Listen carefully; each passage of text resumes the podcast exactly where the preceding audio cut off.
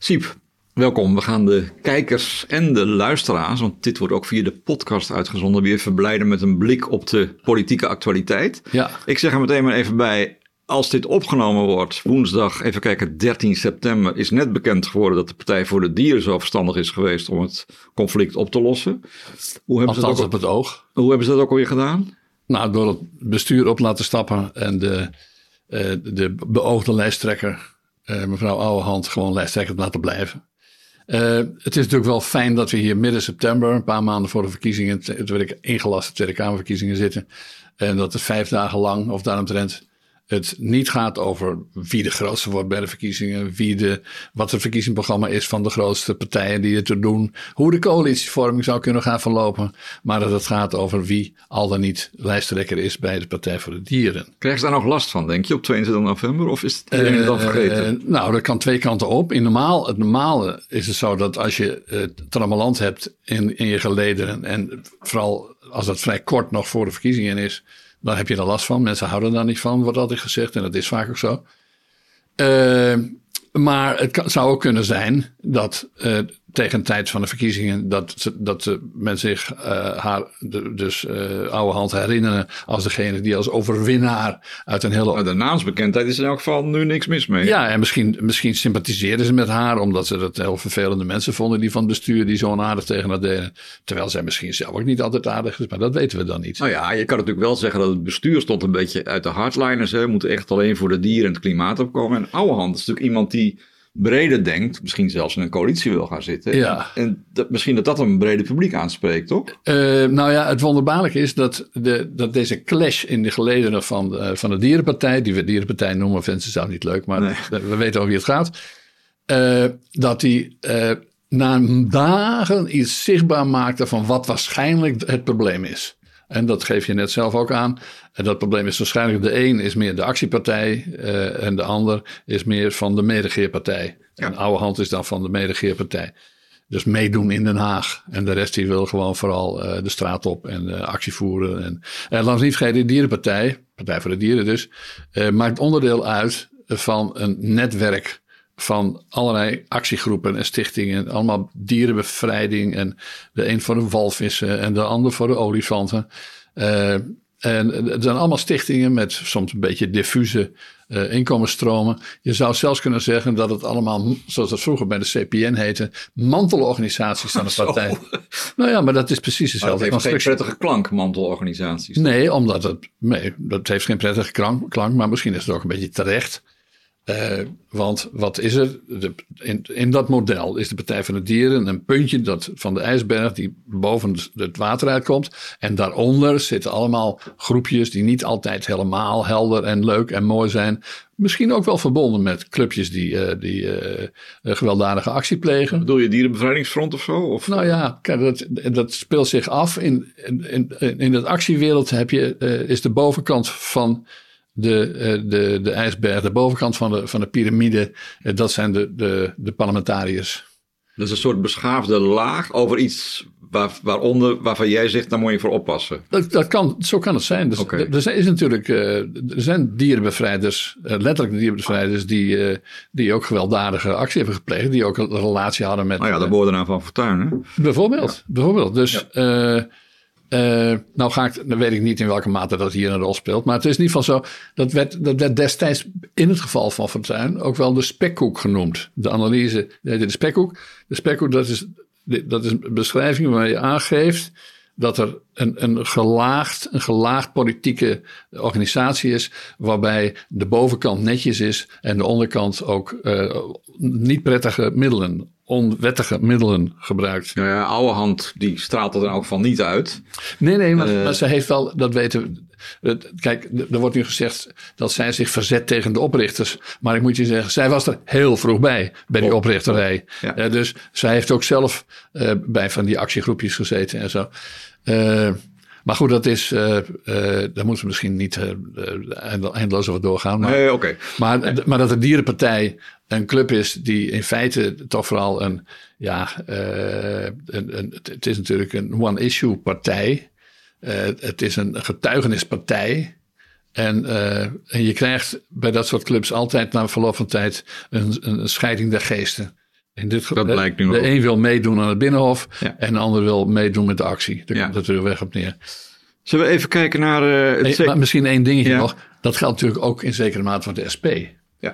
De SP is ook begonnen als, als een partij in de jaren zeventig al. Die, uh, die uh, vooral voor, voor, de, voor de straat was. En gaandeweg zijn ze ook parlementair uh, werk gaan doen en mee gaan doen aan verkiezingen. Maar er is altijd nog een, een neiging binnen de SP om, uh, om eigenlijk dat parlementaire werk maar van secundair belang te vinden. Maar actie is eigenlijk belangrijker. Nou ja, dat splijt de gelederen, dat splijt de, de, de ruggengraat van zo'n partij. Ja. En dat remt uh, gigantisch in, bij het toekomstperspectief van, van zo'n partij. En dat is een van de redenen, er zijn er nog een paar te noemen, waarom de SP uh, na het gigantische succes van uh, een jaar of 16, 17 geleden, 25 zetels. Onder uh, eens, ja. ja zijn ze gewoon een niet duidelijke partij. Ze weten niet of ze van de actie of van het parlement zijn. Ze weten niet of ze niet een beetje veel GroenLinks zijn of eigenlijk meer PVV, want het element zit er ook in. Dus, en wat bij de SP, want dan hebben we dat meteen afgehandeld. de, de SP uh, is totaal verscheurd over het punt asiel. Uh, dus ze zijn hartstikke tegen arbeidsmigratie. Maar de leidster, mevrouw Marijnissen, die heeft nu weer gezegd dat Nederland makkelijk 75.000 asielzoekers per jaar kan opvangen. Dat is meer dan we ooit hebben gehad in een jaar.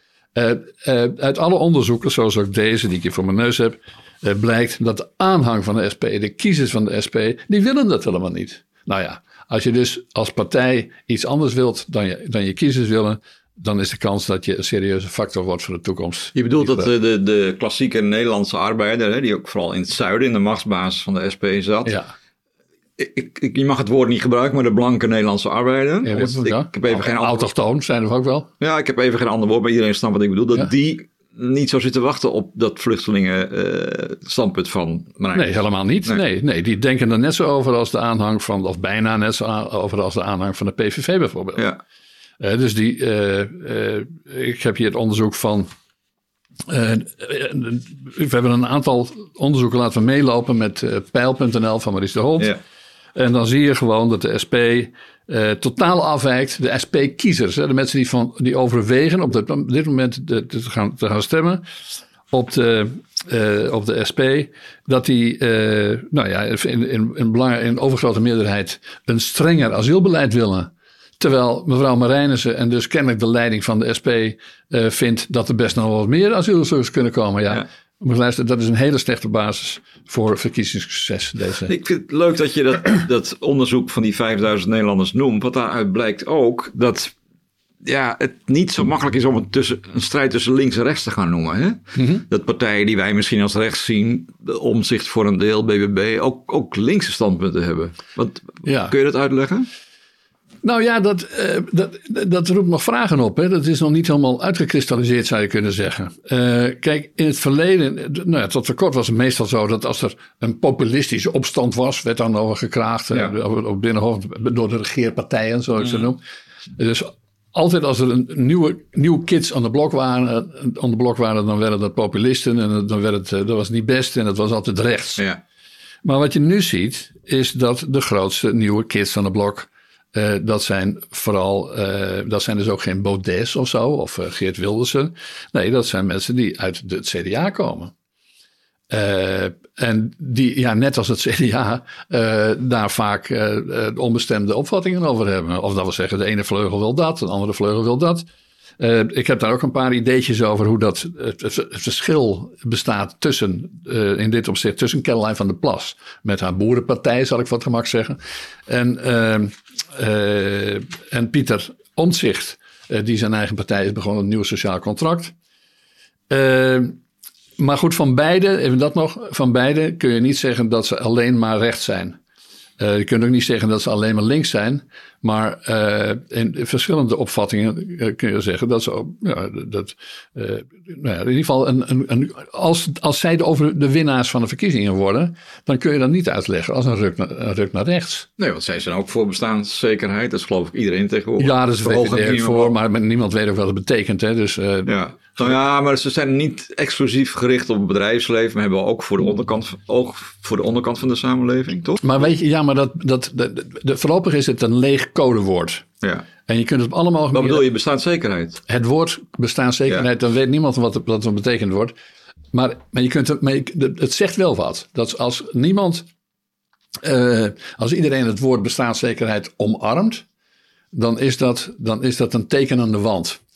Want nog niet zo lang geleden ging het niet over bestaanszekerheid. Toen ging het over klimaat en toen ging het over diversiteit.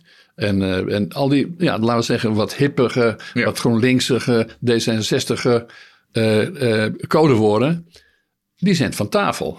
Ja, dus we, we staan wel degelijk aan de vooravond, denk ik dat we kunnen zeggen, van een switch, een koerswijziging in de Nederlandse politiek. Wa- Wat bedoel je dan, een, een meer sociale koers? Of een, Nou, me- meer gericht op het welzijn en welbevinden van de Nederlander. De nu levende Nederlander. En niet die van 2050? En die daar heb jij het altijd over, niemand is met 2050 bezig. qua Nou ja, maar wel nou ja, in Den Haag zijn ze daarmee bezig en in Brussel nee, zijn ze daarmee bezig. thuis zijn met de Nee, natuurlijk zijn ze er niet mee bezig. Nou ja, mensen zeggen dan wel van het gaat over mijn kleinkinderen en zo. Ja. En dat is ook allemaal echt belangrijk natuurlijk. Maar het, eh, of je vandaag de maand haalt, eh, het eind van de maand haalt, is dan nog wel iets belangrijker. En mensen voelen kennelijk ook aan dat, eh, dat het de afgelopen jaren, ondanks corona en wat iets meer zijn, eigenlijk altijd nog heel redelijk ging met de economie. Maar dat misschien niet vanzelfsprekend is. En dat de lasten steeds hoger worden. En dat, eh, eh, de, de, nou, en dat de lasten steeds hoger worden, dat zie je aan het feit. dat, dat is een van de redenen waarom de inflatie zo hoog is. Eh, Wat bedoel je, de overheidsuitgaven? Of de, nou, de, overheids, de overheidslasten. Ja. Dat, die- dat is ook werkelijk zo. Dus in de Rutte-jaren, Rutte heeft altijd beloofd dat de, dat de belastingen naar beneden zou gaan. Nou, die zijn alleen maar omhoog gegaan. En, eh, en direct al opgezet. Ik geloof dat het aandeel van de overheid in het BBP nu al 40% is. Hè? Zo, Eh, ja, dan moet je iets anders formuleren. Dat, nou, gaat, ja. dat gaat over de, de, de, de, de bruto. Nee, het gaat over de, de collectieve lastendruk. En de collectieve lastendruk, dat gaat niet over de uitgaven, dat gaat over de inkomsten. Dus eh, als wij met z'n allen per jaar, in, in, in dit jaar bijvoorbeeld. nee, laat ik zo zeggen. We, als, dat is nu dus gestegen naar 40 procent. Al jaren geleden als het al gestegen, naar ongeveer 40 procent. Terwijl toen Rutte begon was het 35 procent. Nou, dat is een percentage van het eh, nationaal inkomen, van de, van de BBP, eh, dat wij aan belastingen opbrengen. Dus van elke euro die wij verdienen, gaat er 40% naar de overheid. Inderdaad, ja, Ja. dat is heel goed gezegd. En, en dat was 35. Ja. En dan zeg je, nou, is dat nog zo'n groot verschil, die 35 en die 40. Nou, dat is dus, als je weet dat de BBP ongeveer 1000 miljard is, dan, 50 miljard, ja. dan is dat dus met 50 miljard omhoog gegaan. Weliswaar is die, is die euro van, van 10 jaar geleden niet meer de euro van nu, maar het is bruut, bedoel, ruwweg gesproken. Je kunt in ieder geval zeggen, met vele tientallen miljarden zijn er lasten omhoog gegaan. Reken dat terug naar een huishouden, dan is dat duizenden euro's per huishouden. Maar, maar even terug naar... Bestaanszekerheid. Ja, jij nee, maar oké, je, je begon hiermee door te zeggen dat de overheid zelf die armoede voor een deel veroorzaakt. Hè? En dat Ja. bestaanszekerheid dus nu eh, op vele agenda's staat. Maar dan ga ik even iets dieper in op BBB en eh, sociaal, nieuw sociaal contract. Ja. Want eh, mevrouw van der Plas staat met een mond vol tanden als haar gevraagd wordt om het verschil tussen haar en omzicht uit te leggen. Dus ik bedoel, wat, wat moet de kiezer daar dan mee? Ja, Nou, dat begrijp ik helemaal. Dat, dat, eh, maar daarom, ook om die reden heb ik een beetje gekeken van wat, wat zijn de verschillen nou eigenlijk. ja, en ook daarbij heb ik die enquête weer een beetje gebruikt. ja, Eh, en dat, dat zegt dan niks van die partijen, maar dat zegt wel iets van de aanhang. ja, ja. En dan kun je zeggen, in feite moet je, dan moet ik nog even een stap terug. In feite, er wordt vaak gezegd van ja, het CDA is eigenlijk nog nooit zo groot geweest als nu. Want eh, ook eh, de BBB is CDA en de NSC, hè, dus de omzicht is ook allemaal CDA. En dan heb je het CDA zelf nog. Dus eigenlijk, als je hem optelt, dan is het CDA nog nooit zo groot geweest. Ik dat vind ik een verkeerde benadering. Je moet het anders precies omdraaien. Wat er nu gebeurt, is een totale explosie van het CDA. De CDA is ongeveer een halve eeuw geleden opgericht, gaandeweg. Eh, officieel dacht ik 1980, maar dat is een jaar of 15 eh, al gewerkt. Eh, en dan werden dus drie partijen: de katholieke KVP, de gereformeerde ARP en de hervormde Christ, de Christelijk Historische Unie. Die gingen samen.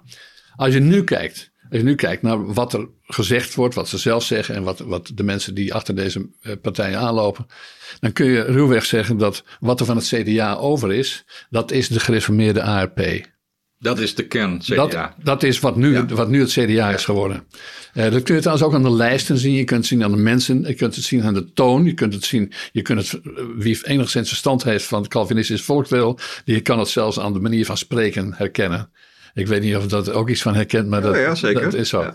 Uh, als je, uh, wat ik nog brutaal vind van, van, uh, van de, de, de, zeg maar de CDA, de ARP van Bontebal, is dat je het ook gewoon zelfs aan de kandidatenlijst kunt zien. Want je, als, het, het, als het CDA groot wilde zijn, dan moesten ze vooral leunen, of niet van belang willen leunen, op het katholieke volksdeel. Dus de oude KVP'ers. Zuiden, ja. Maar kijk nu gewoon naar die, naar die kandidatenlijst. Dat heb ik gedaan. Nou ja, er staan een enkeling uit Brabant en Limburg, maar de, rest komt allemaal uit protestantse volkslandsdelen, zal ik maar zeggen. Dus ze hebben er zelf, hebben ze kennelijk dat, hebben ze dat ook gewoon opgegeven. Ja, en de top van uh, Omtzigt, Omtzigt zelf en van Vroonhoven zijn katholiek. Hè? Zeker, zeg nou maar veel meer. Hè? Ja, ja. Nee, nee, dat is een katholieke partij. Het BB, de, de oude KVP eigenlijk. Precies. Ja. Dus wat we moeten zeggen is dat na 50 jaar het CDA mislukt is. Ze zijn weer versplinterd ruwweg in belangrijke mate langs lijnen die toen voor die tijd al bestonden. Ja. We zijn terug in de jaren 60. In de jaren 60 toen, toen je een katholieke partij had, een gereformeerde partij, een hervormde partij. Nou, de hervormden zijn dus de, de, de christenhistorici zijn opgegaan in de geschiedenis, die zijn verdwenen. Uh, en de KVP bestaat uit twee onderdelen nu, te weten BBB en NSC. Wat is nou het verschil tussen die twee? Ja, nou, dat, dat ben ik benieuwd naar. Ja. Uh, nou, dat zijn subtiele verschillen. Uh, waarbij, ruwweg, waarbij je ruwweg kunt zeggen, dat kun je ook uit de uitspraken van de aanhang kun je dat destilleren, uh, dat de aanhang van omzicht ietsje linkser is. Niet heel veel, maar over op alle vragen die we stellen, vragen die we stellen over uh, de kerncentrales, of over de bevolkingsomvang, of over asiel. Al die, op al die punten zitten, zitten ze doorgaans dicht bij elkaar in de buurt. Maar uh, de, de aanhang van omzicht is ietsje linkser dan die van de BBB. Van en ook tegen de, de bio-industrie. Dat is BBB ook niet. Althans, omzicht zelf ja, is daar heel kritisch over. Precies, maar dat, zit, dat, dat is ook weer een ander element. Uh, komt daar niet naar voren. En dat is dat de BBB is ietsje meer van de ondernemers. En, uh, en omzicht is iets minder, is meer van de werknemers, zou je kunnen zeggen. Omtzigt is wat meer van de steden. En zij, uh, Caroline van Plas, is meer van ja. het platteland. Ja. Maar katholiek zijn ze beide. En dat ademen ze ook beide. Zij het misschien omzicht iets meer. Maar hoe merk je dat dan? Want de, de kerken staan leeg. Mensen zijn in hun dagelijks leven toch helemaal niet bezig met katholiek of gereformeerd. Wat is er zo katholiek aan die twee dan? Hoe, uh... Nou ja, ze, ze, ze, kijk, de, het meest opvallende in dat opzicht is, is omzicht die gewoon in al die teksten, die, die uh, losse teksten en redenvoeringen en, en, en zo, uh, dat, dat gaat eigenlijk vrij direct terug naar de katholieke sociale leer, zoals die eind 19e eeuw, begin 20e eeuw is ontwikkeld. Ja. Uh, waar, die ook het corporatisme heeft opgeleverd. Het corporatisme waar het CDA ook ijverig aan meedeed. De KVP, uh, de, de, vooral na de oorlog, is groot geworden met het corporatisme en heeft Nederland mede ingericht op corporatistische basis. Wat is corporatisme? Is ruwweg gesproken dat kapitaal en arbeid geen ruzie met elkaar maken, maar gezellig aan tafel zitten. En de, dan, de polder, hè? Dat is wat ze ook van de polder zijn gaan noemen. Ja. uh, maar polder is niet altijd helderheid. Hè?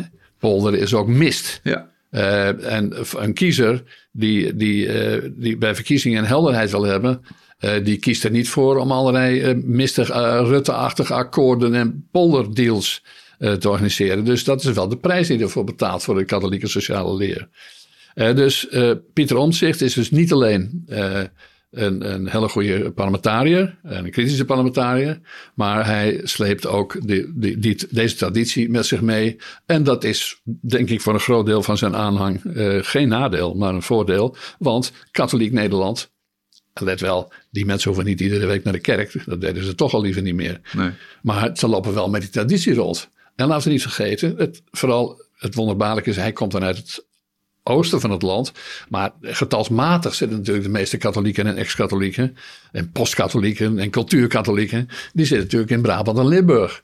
En die zijn al honderden jaren uh, een beetje, en dat geldt zeker voor de Limburgers, maar ook zeker wel voor, voor veel Brabanders, die lopen natuurlijk altijd toch met een soort anti-Den Haag-idee uh, rond. Uh, dat ze een, een verwaarloze bevolkingsgroep waren, tweede rangs bevolking. En, en je hebt dus de afgelopen decennia, de afgelopen 50, bijna 60 jaar wel, heb je gezien dat uh, toen de, de, de, de, de centralistische dwang die in de katholieke wereld dominant was, uh, toen die in de jaren 60 en dan nadien wegviel, dat uh, katholiek Nederland, zeker in het zuiden van het land, in feite stuurloos is geworden. En die zijn voortdurend op zoek gaan naar nieuw houvast. En dan was het, het nieuwe houvast kwam bij de SP vandaan. Ook uit het zuiden, het Os, ja. Nijmegen, een beetje Rotterdam.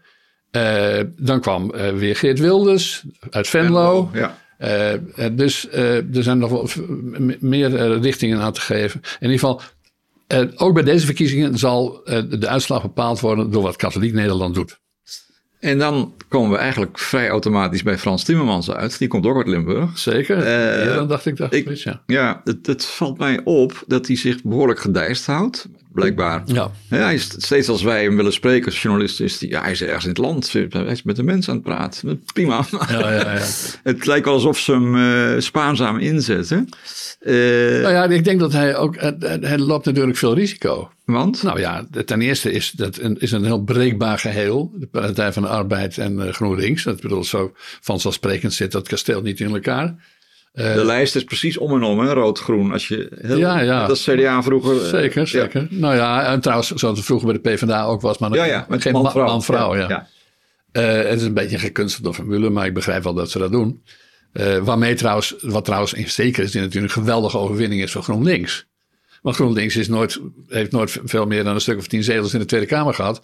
En nog niet zo lang geleden had de PvdA meer dan 40. Of iets van rond de 40, of zelfs boven de 40, geloof ik. Dus laten we zeggen, de, nog niet zo lang geleden vonden wij een verhouding van 1 staat tot 4 als het ging over uh, de GroenLinks en de PvdA normaal. En nu is het 1 staat tot 1. Dat is toch als, een, wel, als zodanig, als een grote overwinning voor GroenLinks te beschouwen. En dat zou ook de indruk kunnen wekken dat de kleur van deze combinatie veel meer GroenLinks is uh, dan dat vroeger geweest het geval zou, geweest zou zijn. Nou ja, in ieder geval, uh, kijk, Timmermans is zelf uh, is een zeer ambitieuze uh, persoon. Uh, er valt veel goed te maken in de familie Timmermans, werd aan het Binnenhof vroeger al gezegd. Hoe bedoel je? Nou ja, goed, pa werkte bij, bij buitenlandse zaken, maar in een bescheiden rol. En toen, ambassade in Rome, geloof ik, hè? Of, ja, hij was kanselier en het klinkt mooi, maar dat ben je een soort ja, al, hoe dat, huisknecht of zoiets, onaardig gezegd. In ieder geval eh, in dat, uh, in dat ouderwets aristocraat, semi-aristocratische buitenlandse zaken is hij daar wel mee gepest. Uh, van, uh, was, is dat niet het zoontje van de kanselier en zo? En, nou ja, fijn. Tegen die achtergrond moet je een deel, een deel van de, de ambities van Frans Timmermans kwalificeren. Frans, die die zou het geweldig vinden als premier van Nederland te worden. Ja. Uh, die weet ook na zijn Brusselse periode dat je wel heel hoog kunt zijn in de Europese Commissie. Maar dat de echte macht toch eerder in de Europese Raad zit, in de club van de minister-presidenten. Ja. ja. Uh, want daar komen de opdrachten vandaan die dan de mensen zoals Timmermans moeten uitvoeren. Enfin, uh, want waarom zou hij anders toch nog vrij makkelijk van Brussel, met een topfunctie in Brussel, naar een misschien wel topfunctie in de kleine Nederland gaan? Nou, omdat hij wel degelijk beseft dat Rutte de afgelopen jaren meer baas was dan hij zelf in Rutte. Ja. Nou ja, dus. Uh, uh, en hij heeft ook duidelijk aangegeven dat, hij, uh, dat, dat het gaat om macht. En dat, dat het ook voor links niet vies is.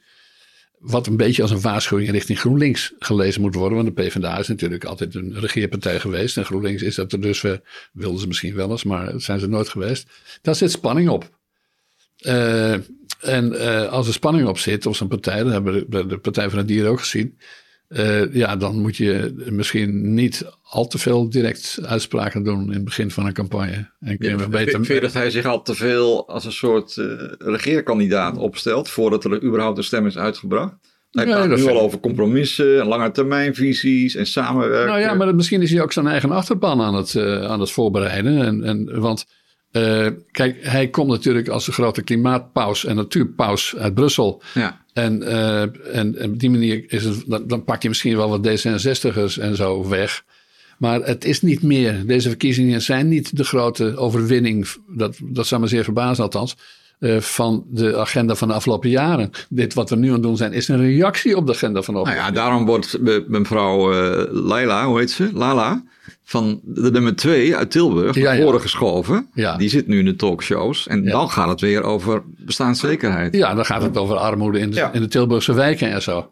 Uh, ik bedoel, dat doen ze bewust tot nu toe, toch? Dat, zij wordt heel erg gepresenteerd als. Uh...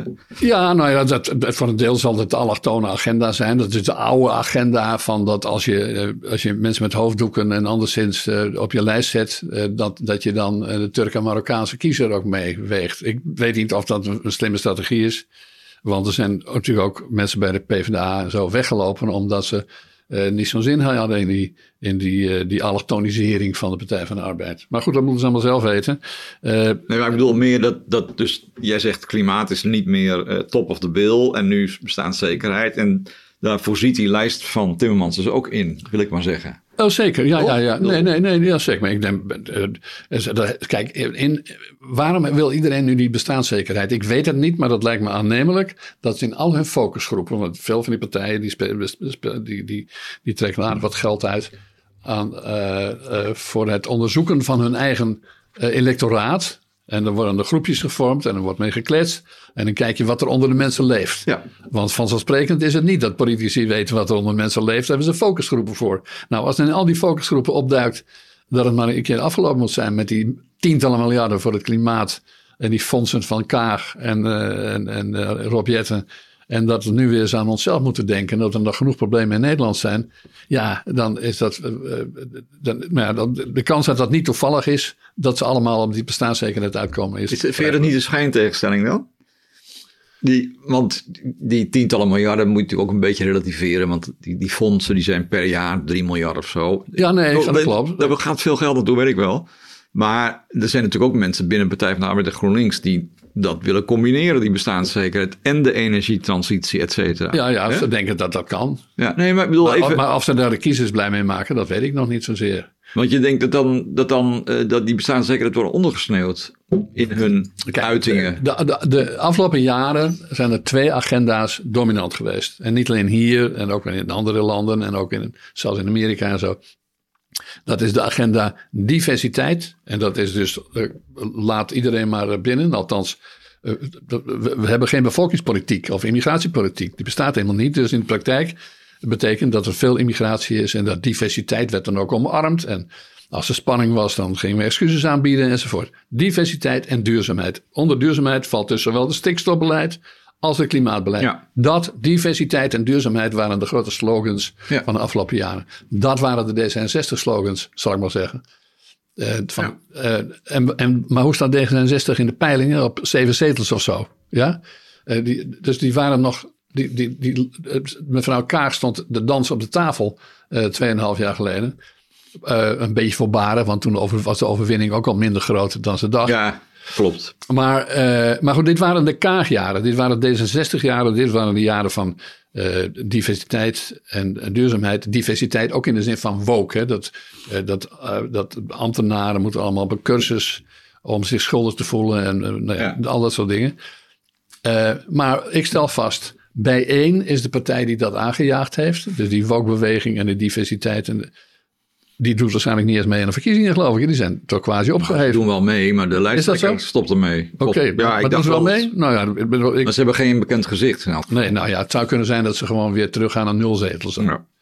Uh, D66 heeft zich sterk geprofileerd op dat punt. Uh, een aantal ministers die hebben gewoon, uh, ook bij de omroep en bij, bij musea en allemaal, allemaal woke-richtlijnen moesten allemaal. Dus ook de slavernij-excuses horen in feite bij die agenda. Mijn uh, analyse luidt, of mijn observatie luidt, uh, dat, dat, dat dat niet per se zwaar gedragen werd door Nederland, maar dat, het, dat het vooral gedomineerd werd door mensen die het Binnenhof wisten te beheersen. En mhm. dat was dus veel D66.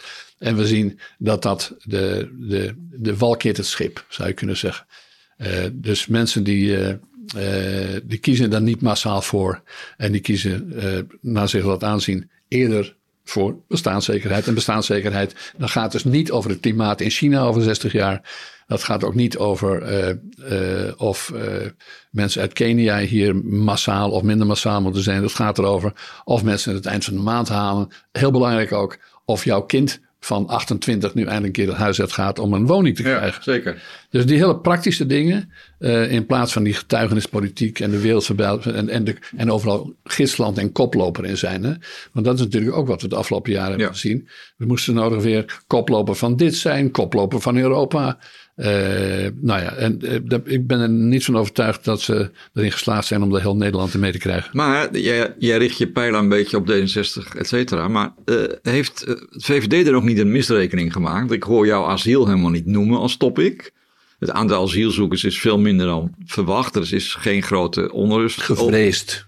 Je zegt verwacht, maar gevreesd zou jij. Ja, ik probeer neutrale termen te gebruiken. Ja, ja. Maar dan kies je eigen woorden. Ja. Maar als dat geen thema wordt bij de verkiezingen, ja, dan kan Gus ook roepen dat ze voor bestaanszekerheid is. Maar ja, dan ben je een van de velen. Ja, ja maar ik, ben, ik ben er ook helemaal niet zeker van dat de VVD zo'n geweldige uitslag gaat maken. Uh, laten we niet vergeten, het programma van, uh, van, de, de, van de VVD. Kijk, zij wil wel een soort nieuwe VVD. Dat presenteert ze zich bijna persoonlijk. Ja. Van we gaan nu een nieuwe tijd. En je moet niet zeuren als, als zij uh, wel wilt samenwerken met de PVV. Want we gaan naar de toekomst kijken. En dat gezeur van vroeger dat zegt ze met zoveel woorden. Dus de Rutte-tijd is voorbij. Ja. Maar inhoudelijk en, en, en qua personeel zie ik het verder niet zo. Ik bedoel, ik kan me een, vrijwel niks herinneren van dat verkiezingsprogramma van ze. Dat concept verkiezingsprogramma wat, wat iets bijzonders op zou leveren. Heeft ja, grote aandacht. 130 kilometer waarschijnlijk of zo. Nou, ja, maar ja, dat is ook allemaal... Uh... Dus, dus uh, is daar een nieuwe tijd aangebroken. Kijk naar die lijsten van die mensen die, die daar, uh, die dan kandidaat zijn zie ik daar opvallende... Allemaal Kamerleden, hè? Het zijn diezelfde mensen die eerder allemaal als, als steun van, eh, van, van... die een half leven uh, tot de steuntroepen van Mark Rutte hebben gefungeerd. Dus is daar nou de nieuwe tijd aangebroken? Ik heb niet de indruk. Sophie Hermans, Bente Becker, dat soort... Ja, nou ja, bedoel, uh, ja. maar ook de, die hele lange rij die er achteraan komt. Dat zijn allemaal mensen die zijn fractiesecretaris geweest of zoiets. Of eh, weet je wel, dus die nieuwe tijd, dat valt wel mee binnen de VVD, zeg jij? Nou, ik zie dat niet overtuigen. Nee, nee ik zie dat niet overtuigen. Uh, en dan, is, dan gaat er misschien toch. Uh, uh, nou, je ziet het ook aan de cijfers in de peilingen. Dus de VVD op 24 zetels. Ja, die hebben het toch. Zo, bedoel, daar heeft, daar heeft Rutte ook wel eens gestaan in de peiling. Maar uiteindelijk had hij dan altijd nog meer dan 30 of zelfs meer dan 40 zetels. voor hetzelfde geld wordt de VVD gewoon de derde partij. Dat kan. Maar je hebt, uh, en dan gaan we afronden. Je hebt als nou, eerder... waarom? Oh, oké, dus sorry. Ja, ja, het is, ja oké. dus uh, geen publieke omroep, hè? Daar haak ik nee, bij. Nee, oké. Okay. Nou, je zit lekker op je praatstoel. Dus. Nou, zie je. Nou, dan gaan we nog even door. Maar jij, jij hebt eerder aan deze tafel uh, gezegd, en dat was ook de kop van ons op YouTube. Mm -hmm. Zeg nou eens gewoon van tevoren met wie je wil regeren. Ja. Maar dat dacht, volgens mij gaat dat niet gebeuren. Nee, dat heb ik even gehoopt. Uh, niet per se voorspeld, maar uh, nee, dit, dat gaat helemaal niet gebeuren. Dit wordt een, uh, als je nou denkt van, we krijgen nu de combinaties van een nieuwe duidelijkheid. Daarvoor is het te modderig en te onderscheidend. Ja, maar als er een paar, vier partijen met twintig zetels zijn en een paar met tien en vijf, dan, dan kan je ook alle kanten op natuurlijk. Uh, als je in, in, dat, in, dat, lijstje wat ik hier nu voor, voor me heb, ja. uh, dan, dan, heb, dan kunnen de drie grootste partijen, en dat zijn volgens dit lijstje dan de, dus Omtzigt, de PvdA, dus Timmermans en Dylan Jazilgus, dus mm. de VVD, uh, die hebben die samen net iets meer, die, zouden die samen in theorie een coalitie 75, 76 zetels. Met 76 zetels. dat is wankel, hè? Dat is heel wankel, maar bovendien biedt dat de Nederlandse kiezer, die wel eens wat meer duidelijkheid wil hebben in modderig uh, Den Haag, biedt dat duidelijkheid. Dan hebben we te maken dus met de voormalige uh, KVP, hè, zoals ik het net heb genoemd. Ja. Dan hebben we te maken met de PvdA, voormalige, voormalige PvdA. En dan hebben we te maken met de voormalige VVD. Maar ja, dat is dus de terugkeer van eh, bedoel, dan, uh, het? dat is de partij van alle, van, van, van alle uh, de, de richtingen uit het verleden met z'n drieën in een kabinet. En, en als je daar Caroline van der Plas aan toe zou voegen, althans, nou ja, Mona Keizer, maar of wie, nou ja, wat dan je, ook. Wat je dan toevoegt is een beetje meer, nog een beetje extra KVP. Met een, met wat... Maar dat gaat Timmermans nooit doen met drie rechtse partijen, toch? Uh, nou ja, maar dat, dat zou dus kunnen. Dat oh. is, kijk, de kans dat Timmermans de grootste wordt, acht ik helemaal niet ondenkbaar. Nee. Uh, rechts en centrumrechts is verdeelder, mogelijkerwijs, dan, uh, dan links. Links is altijd heel, bijna gewoon versnipperd. Maar het zou kunnen zijn dat Timmermans de, de, de SP en de Partij van de Dieren en, en dus de, de, concurrentie en niet te vergeten D66 leeg weten eten. En dan wordt hij, kan hij de grootste worden, maar met wie moet hij dan regeren? Dus de, de, de kans bestaat dat er dan een soort 1977 uitkomst komt. Hè. De, 1977 was een geweldige goede uitslag voor de premier uh, Joop den Uyl op dat moment. Tien zetels winst. En het, maar goed, in die partij raakten ze helemaal hoog op de botel. En dan gingen ze steeds hogere eisen stellen. Totdat uiteindelijk de VVD en de... Ja, ze waren vergeten dat er nog een rechtse meerderheid was in de Kamer. Zeker, zeker, zeker. Nou, dat zou, precies, dat, dat zou dus nu ook kunnen gebeuren. Uh, dus we waren vergeten dat, uh, dat zowel eindeloos, de PvdA was vergeten dat ze weliswaar eindeloos uh, de, de, de CDA duimschroef aan zouden te draaien. Maar dat de CDA ook over rechts zou kunnen regeren. En dat hebben ze gedaan. En die waren er in een week uit, Wiegel en ja, ja, dat was allemaal heel... In, ik, ik, ik, geloof tussen het voor- en het hoofdgerecht, dacht ik. Ja, jij krijgt dit, jij krijgt dat. Heel, ja. ja. Nou ja, bovendien, ze waren niet zo scherpslijperig, die twee. Precies. En dat was de PvdA natuurlijk juist wel. Maar, zeg je nou dat stel dat uh, Timmermans die krijgt dan het voortouw, toch? Als die, bedoel formeel niet, maar in de praktijk, als die wint, dan mag hij toch... Maar goed, als hij dan net als Den Uyl, en Den Uyl werd opgejaagd door zijn achterban. Nou, een achterban met GroenLinks erin, wordt, ja, ja, die gaat ook opjagen. Ja. Uh, uh, ja, dus dan, uh, en als ze niet opjagen, dan krijg je geklagen in de, in de eigen gelederen. Nou, dat is een breekbare boel, heb ik net gezegd. In feite, maar goed, eh, je weet niet hoe het gaat. Het, het, duurt nog een tijdje. Maar wat een risico is dat de, dat de PvdA uh, GroenLinks leiding, dus Frans Timmermans bedreigt, is dat ze eventueel de verkiezingen winnen. Informatie verliezen. Maar de formatie verliezen. En dat zou, dan zou er dus een wonderbaarlijk fenomeen kunnen ontstaan.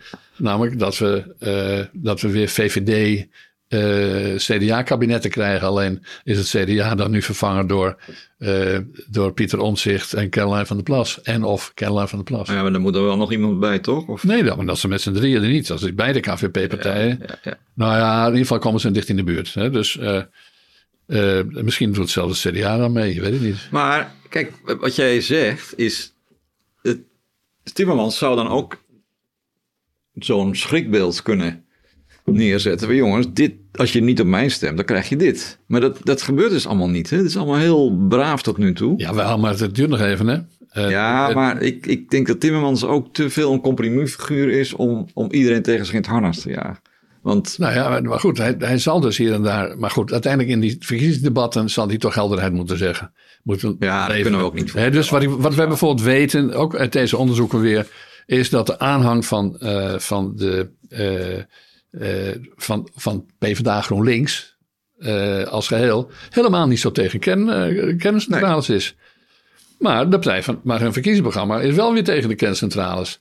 En trouwens, hij heeft, Timmermans die heeft als, als Europese klimaatpaus heeft hij uh, tot op de laatste dag uh, uh, verdedigd dat je houtstook moet subsidiëren. Omdat dat goed zou zijn voor het klimaat. Ja. Biomassa, terwijl iedereen weet dat dat niet goed is. Voor, ja. Niet slecht voor het milieu, slecht voor het klimaat en slecht maar voor ja, zal die niet aan herinnerd zullen worden misschien. Nee, nee, maar ze hebben niet voor niks een campagne. We hebben niet voor niks verkiezingsdebat. Hè? Ja. Dus hij zal daar, hij wordt eraan herinnerd. Wat hij ook... en wat wordt, wordt dan, wat, ik wil nu echt afsluiten, anders zitten we hier de middag. Ja, ja. Want we krijgen nog vele gesprekken in deze campagne. Ja. Wat wordt dan, uh, ja, waar kan de kiezer dan uit kiezen als, als het allemaal een beetje onduidelijk is en iedereen voor ja. bestaanszekerheid is? Ja. Ja, dan zeg ik, dat is in die zin, eh, waarin die verkiezingen, vrees ik, een beetje onbevredigend. Ja. We zouden dus de, de onduidelijkheid van de Rutte-jaren, die wordt vervangen door de onduidelijkheid van na de Rutte-jaren.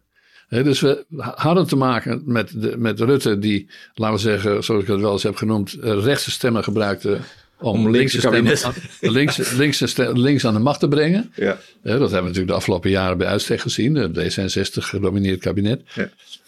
Uh, maar wordt, het zou treurig zijn als de kiezer uh, dan nu wat meer, uh, laten we zeggen, duidelijkheid zou krijgen. En ook mag hopen dat een volksvertegenwoordiger een volksvertegenwoordiger is. Die, die, die, die handelt in de geest van de stem die is uitgebracht. En wat misschien wel een verbetering zou kunnen zijn, is dat de burger van Nederland eh, dat de kiezer, dat de gewone mens, weet ik veel, nou dat type begrip, dat dat eindelijk eens wat centraler staat dan de abstracties die de afgelopen jaren voorop stonden. En zelfs het woord bestaanszekerheid hoort er een beetje bij, want dat gaat over gewone mensen, Nou ja. echte mensen. Zullen wij afspreken dat we dat over een maand weer bespreken? Of Yes. wanneer je wil. Ik bedoel, eh, Nou, de studio, is, studio is altijd open, dus... eh, ja, niet voor iedereen, maar wel voor ons. ja, Oké, gaan we doen. Dank. Oké.